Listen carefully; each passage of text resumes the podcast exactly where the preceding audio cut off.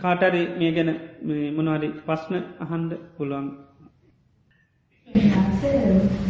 සිත දියුණු කරගත්ත කෙනෙකින් දුකක් පැමිණෙනවා. විශේෂයෙන්ම ශාරීරික දුකක් පැමිණෙනවා.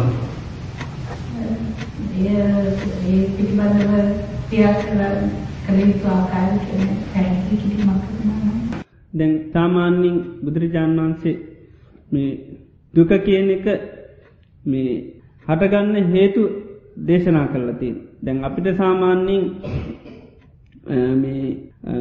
ඒ දුක හටගත්තාම අපිට සාමාන්‍යින් තේරුම් ගන්න පුළුවන්කමක් නෑ මොකද අපි සාමාන්‍යින් අවිද්‍යාවෙන් ජීවත්වෙන්නේ ඒ නිසා දුකේ තියෙන ආදීනුව දෙක ඒ තමයි සම්මෝහ වේපක්ක.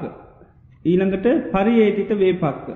දුකක් හටගන්නකොටම සම්මෝහ වේපක්ක ගැන මුලාවට පත්වෙන ඒක තමයි දුකේ ස්වභාව ඒක ලැබෙන විපාක දුක කියනක විපාක තමයි දුක හටගන්නකොටම අපි මුලාවට පත්වෙන සම්මෝහ වේපක්ක. අනිත් ඒක තමයි පරියේටිත වේපක්ක. ඒ දුකෙට පිළිසරණක් නිතරම හොල්. දුකක් කටගන්නකට මුලාවෙනවා ඊට පස්සෙ තමයි පාලියකින කෝ ඒක පදන් දිපදානේ මට වචනයකින් අරි දෙහෙකින් කෞද මේ දුක නැති කරන්න උදව් කරන්න කියලා. ඉති ඒ විදිහටර සාමාන්‍ය ලෝකයේ තුළ දුකයේදී නිතරම මුලාවට පත්වෙනවා. ඒ නිසා තමයි ඒකින් අපිට මිදෙන්ඩ ගැලවෙන්ඩ අපිට සාරීරික වසයෙන් හෝ වෙනත් ආකාරයෙන් දුක් හටගත්තහම නිදහස් වෙන්න පුළුවන්කමක් නැත්. නමුත් දැන් බුදුරජාණන් වහන්සේ දුකා හටගන්නකොට ඒක හටගන්න හේතුව දේශනා කරලතිී. මේ දැන් අපිට කායික මානසික විවිධාකාර දුක් හටගන්න. ඒ ඔක්කෝටම හේතුව හැටියට දේශනා කළ තියෙන්නේ ජාතිපච්චයා ඉපදිච්චි නිසා තමයි දුක හටගන්න. ඉතිං දැන් අපිට සාමාන්‍යයෙන් මේ ජීවිතය මගේ නිසා ඊළඟට මේ ජීවිතය ආත්මයක් හැටියට දක්න නිසා අර දුකක් හටගන්නකොට අපිට සිහ පිහිටුව ගන්න පුළුවන්කමක් නෑ. තැර සිහ පිහිටුව ගන්න පුළුවන්න. ඒකට කල්ඇතු අපි නිතරම මේ කායිකෝ මානසක හටගන්න සෑම දුකකම හේතුව තමයි ඉපදීම හැටියට අපි දැකල තිීන්දු. එතවට තමයි ටක්ගාල ජීවිතයේ රෝගාබාධ කරදර එනකොට අපිට ටක්ගාල මතක්කෙන්නේ අන්න ජාතිපච්චය. ඉපදිත්ති නිසා තමයි දුක්විනින්නේ. දැම් මේ පංචුපාදානස්කන්ධයක් තිනතාකල් බුදුරජාන් වන්සේ දේශනා කරන්න රෝගයක් පවතිනවාගේ. ද අපි රෝගයක් පවත්වාගෙන ඒකෙන් ඒ සැපවත්ව ජීවත්තෙන්ට බලාපොරොත්තුවන්න බැහැන නේද. රෝගඇත්තිය සාමාන්‍ය රෝගඇත්තියන් අපි සැපවේදනාවෙන් ඉන්ඩ බලාපොරොත්තුවෙන. නමුත් ඒක වෙන්න නැහැන රෝගේ ස්වභාවේ තමයි පීඩාගෙන දෙනවා. ඒවගේ තමයි මේ පංචුපාදානස්කන්ධයක් ලබාගෙන අපි සැපවත් ජීවිතයක් බලාපොරොත්තුනට ඒක ලැබෙන්නේ නැහැ. ඒ පංචුපාදානස්කන්දය විවිධාකාර රෝග පීඩාවසයෙන් වෙනත් විපත්ති කරදරුලින් නිතරම පීඩාවට පත්වෙනු. ඉතිං ඒකන්න රෝගයක් වගේ එහෙම නැත්තං ඒක මේ නිතරම දුකට භාජනය වෙන දෙයක් හැටියට දැක්කොත් අන්න අපිට අර කායික වසයෙන් හටගන්න දුක්වලදී පස්්නයක් වෙන්න නෑ ඒකයි බුදුරජාණන් වන්සේ මේ කයේ ස්වභාවේ නිතරම හඳුනගන ජීවත්තෙන්න්න කියන එක දවසක් බුදුරජාණන් වහන්සේ ළඟටාව නකුල පියතුමා කියලා කෙනෙ එය ඇවෙල්ල බුදුරජාණන් වහන්සේට කිව ස්වාමීණී මේ මම දැම් බොහෝම ලෙඩින් දුකින් ජීවත්තෙන් ඉස්සර වගේ මට දැන් යන්න එන්න පුළුවන්කමක් නැහැ. ඉතිං ඒ නිසා ස්වාමීණි මට සුදුසු ධර්මයක් කියන්න කියලා. ඉතින් බුදුරජාණන් වහන්සේ ඒක මුල් කරගෙනම කිව්වා ගෘහපතිය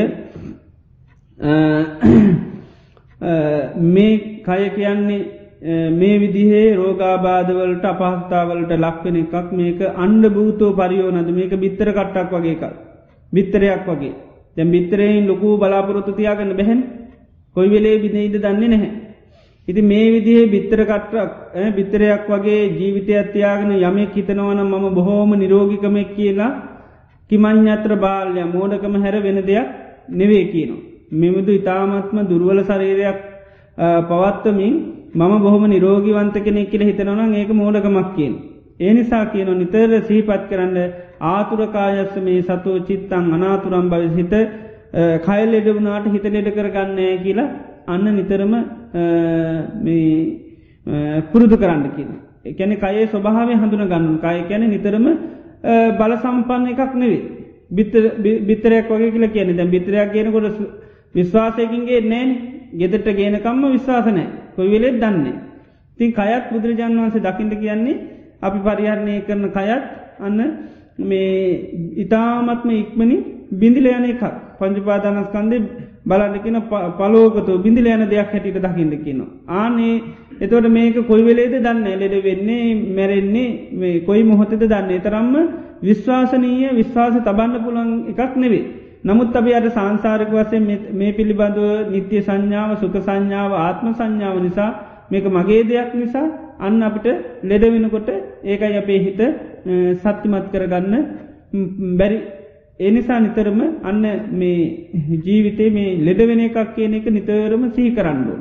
ඒකට බුදුරජාන් වන්සේ දේශනා කරන ජරාදම්මෝමි ජරම්මානතීතෝති අබින්නම් පච්චයකි තබ්බං ඉත්තියාවා පුරුෂේනවා ගහට්ටේනවා පබජිතයෙනවා ස්ත්‍රී පුරුස ගී පැවිදි කවුරුත් නිතරම සහි කරන්න කියනවා මම ලෙඩවෙන කෙනෙක් ලෙඩරෝග ඉක්මෝල නෑකිල්. අන්න එහෙම සිහිකරොත්තමයි ලෙඩක් කෙනකොට ටක්ගාල සිහිය නොමේක ලෙඩවෙන එක. හිතේ ලෙඩවෙන සරීරය දෙවුණ. දැන් අපිටර මේ නිත්‍ය සංඥා සුක සංඥා නිසා සාමාන්‍යින් අපිට ඒක ඒ පිළිබඳව අවබෝධයක් නැති ලෙඩ උනහම තමයි අපිට ඒක බරපත්තලකම තේරෙන්.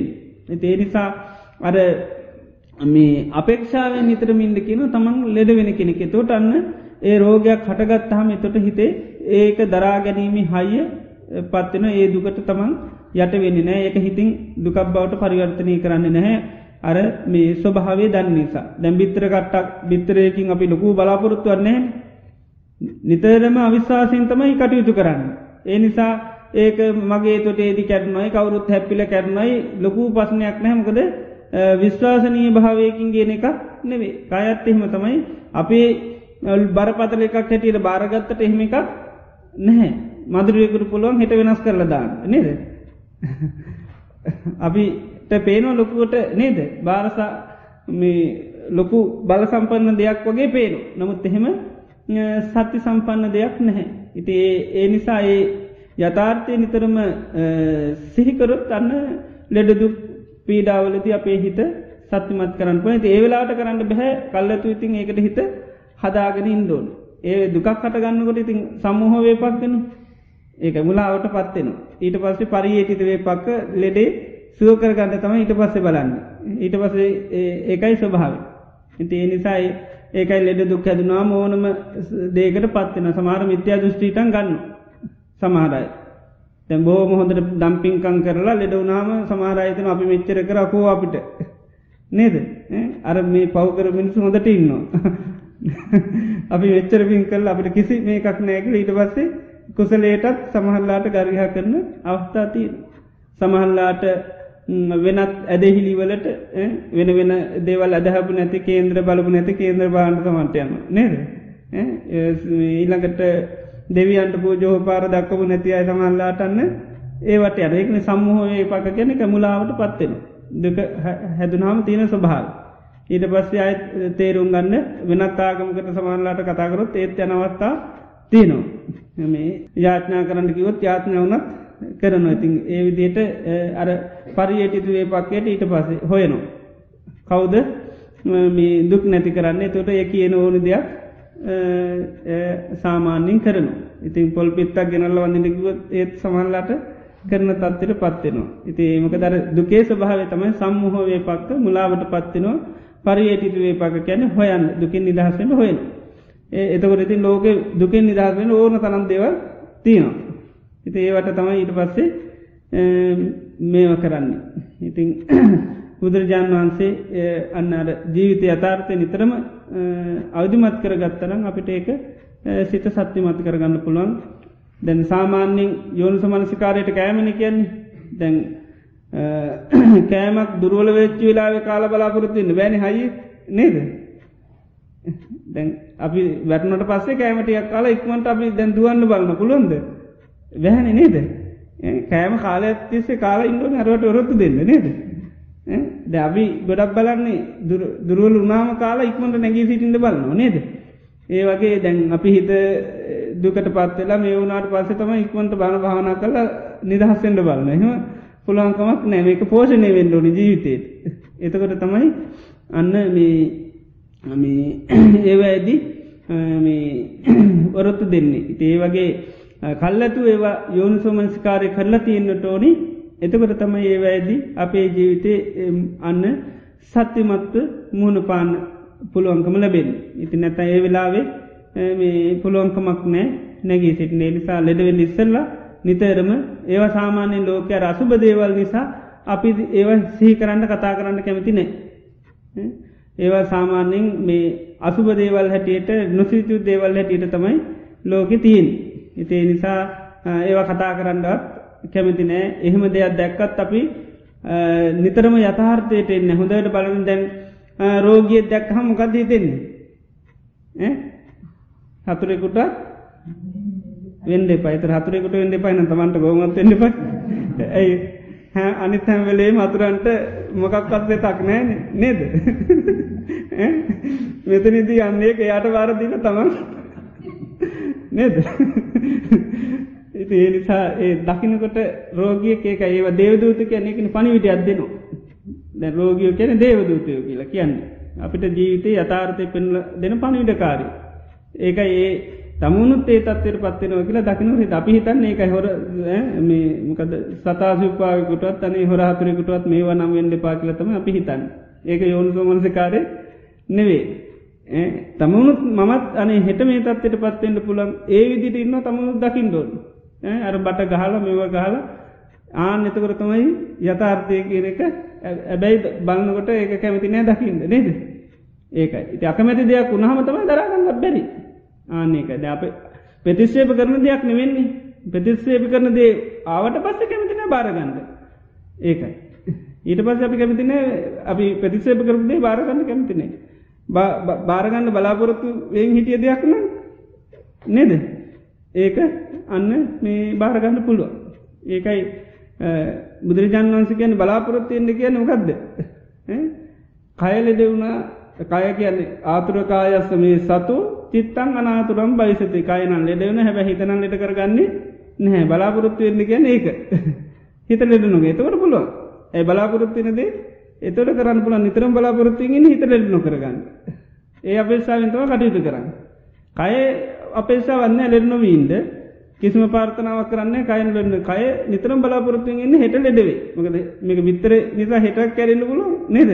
ඒ වගේ සුවරණය හැබැයි හිත ඉන්ද්‍රකීලයක් වගේ කරන්න තම බලන්නේ එක හිත සත්තුමත් කරන්නේ එකයි කයලෙඩුනාට හිතලෙඩ කරගන්නේ කියන සිහිය පිහිටුව ගන්න කියනවා. එතවට තමයි අන්න කයලෙන කරනුවට බොහෝම පරිශ්ෂංගෙනවා හිතට. ඒ පිළිබඳ කිසිම ආකාරයේ මේ පසු බැහැන විදිට කල්පනා කරන්න හිතන්න එමකද බොහොම සියතිනන මේ හිතලෙන් නොකරගන්නට ද අපිට මතකන අපි ඒ ගැන පසතැවීම කම්පාතුල වැටෙන්න්න මකක්දකි අපිට හොයාගන්න බැහැ. ඊට පස් හිත ලෙඩුනාට පස්සේ අයමුකුත් කරන්න බැහැයකන දැන් සාමාන්‍යින් වෛද්‍යවරු ලෙඩ්ඩුන්ට රෝග කියන්න ඇත්තේ නේද? හිත වැටන තා ප්‍රතිකාර කරන්න බැහැ. යන්නේ එකයි ඒ නිසා මේ අපේක්ෂා සහිතව අන්න ජීවත්තෙන්ඩෝ ඒවා අපිට ඒකයි අටලෝදාහමට අයිතිදේ උරුමදේ අපිට.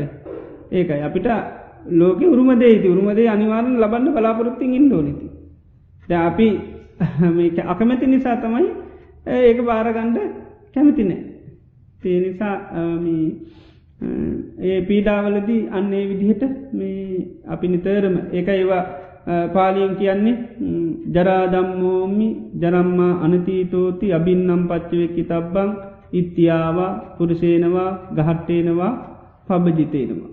ස්ත්‍රී පුරුස ගිහි පැවිදි හැමෝම නිතර සිහි කරන්න කියන. පොඩි දෙයක් හැබැයි දැන් කෑමුණත් පොඩි දේ කියලා නොකා හිටියොත් පෝෂණය වෙනවාද. කෑම පොඩි නොකහිටියොත් අපිකිමු නිවිති. දැන් යකට ලබාගන නිවිති කණ්ඩුන දැන් සාමාන්‍ය දෙයක්න නිවිති නොකා යකට වාපොරත්තින්න බෑන නේද. නිවිති ඔය හැම තැන වත්ත තියෙන එකන කණ්ඩ වැරිය කියල ඉතුවොත්තේම නේද. යකට ලැබෙන් නෑ නේද. ඒ වගේ තමයි දැම අපි දන්න දේ කියලා හරියන්න අපිට පේන්ඩ තියෙන දේ කියලා හරියන්නෙත් නෑ නේද? ඒක ඒව නැතම් බුදුරන් වහන්සේ මේ පාලිබාසන්ද අබින්නන් කැන නිත. පච්චය කිතබන්ගේ නිතර සහි කරන්නට ඉති මේක දන්න දෙයක් ඉති සාමාන්‍ය දෙයක් නති පේන්න තියෙන දෙයක්. නමුත් ඒ සිහිය පීටන් අපි සහි කරන්නඩු ඒකයි. ඒ අවබෝධය ලබන්න අපි අනිවාරෙන් ඒක සී කරන්නු නැතුව ලැබෙන්නේ නෑ එහෙම ලැබෙන ආත්මයක්න මමනං මට පුළුවන්. නේද? ඒ දාගන්න. එහෙම නේ එක හේතු පල දහමක් ඒකයි. හේතු හැදුවත් තමයි පල ලැබෙන් ඉති අර අපි සාමාන්‍ය ලෝක තිබ්බට අපි ඒක ප්‍රතිශේප කර කර තමයි ජීවත්වෙන්නේ අපි නොදැනුවත්ම ඒ ස්වභාවේ භාරගන්න අපේක්ෂාවෙන් ඉන්න පිරිසන්න ඒකයි හටගත්තට පස්සේ භාරගන්න බැරි. ඉති ඒකයි බුදුරජාන් වහන්සේ එක අර දන්න දෙයක් වුණට නිතර සහි කරන්න කියන්නේ එකයි ස්ත්‍රී පුරිත ගිහි පැවිදි ඔක්කොම. හැමෝම හිතන්න කියනවා මම ජරාවට පත් මේ ලෙඩ වෙනවා. ලෙඩරෝග ඉක්මොලන්නය ලාන් ඒ විදිහට නිතර සිහිකරොත්තන්න කාලයක් යනකට සිහිය කියනක මෝර්ණ එතුර ලෙඩ හට ගන්නකොටම සිහ පීටනවා එතකොට මේ අන්න තමන්ට පස්්නයක් නැහැ. මොකද තමාට උරුමදේ උරුමුණ දැම් බාරගන්න අකමැති නිසා තමයි අපට සාමාන්‍යයෙන් එක හටගන්න.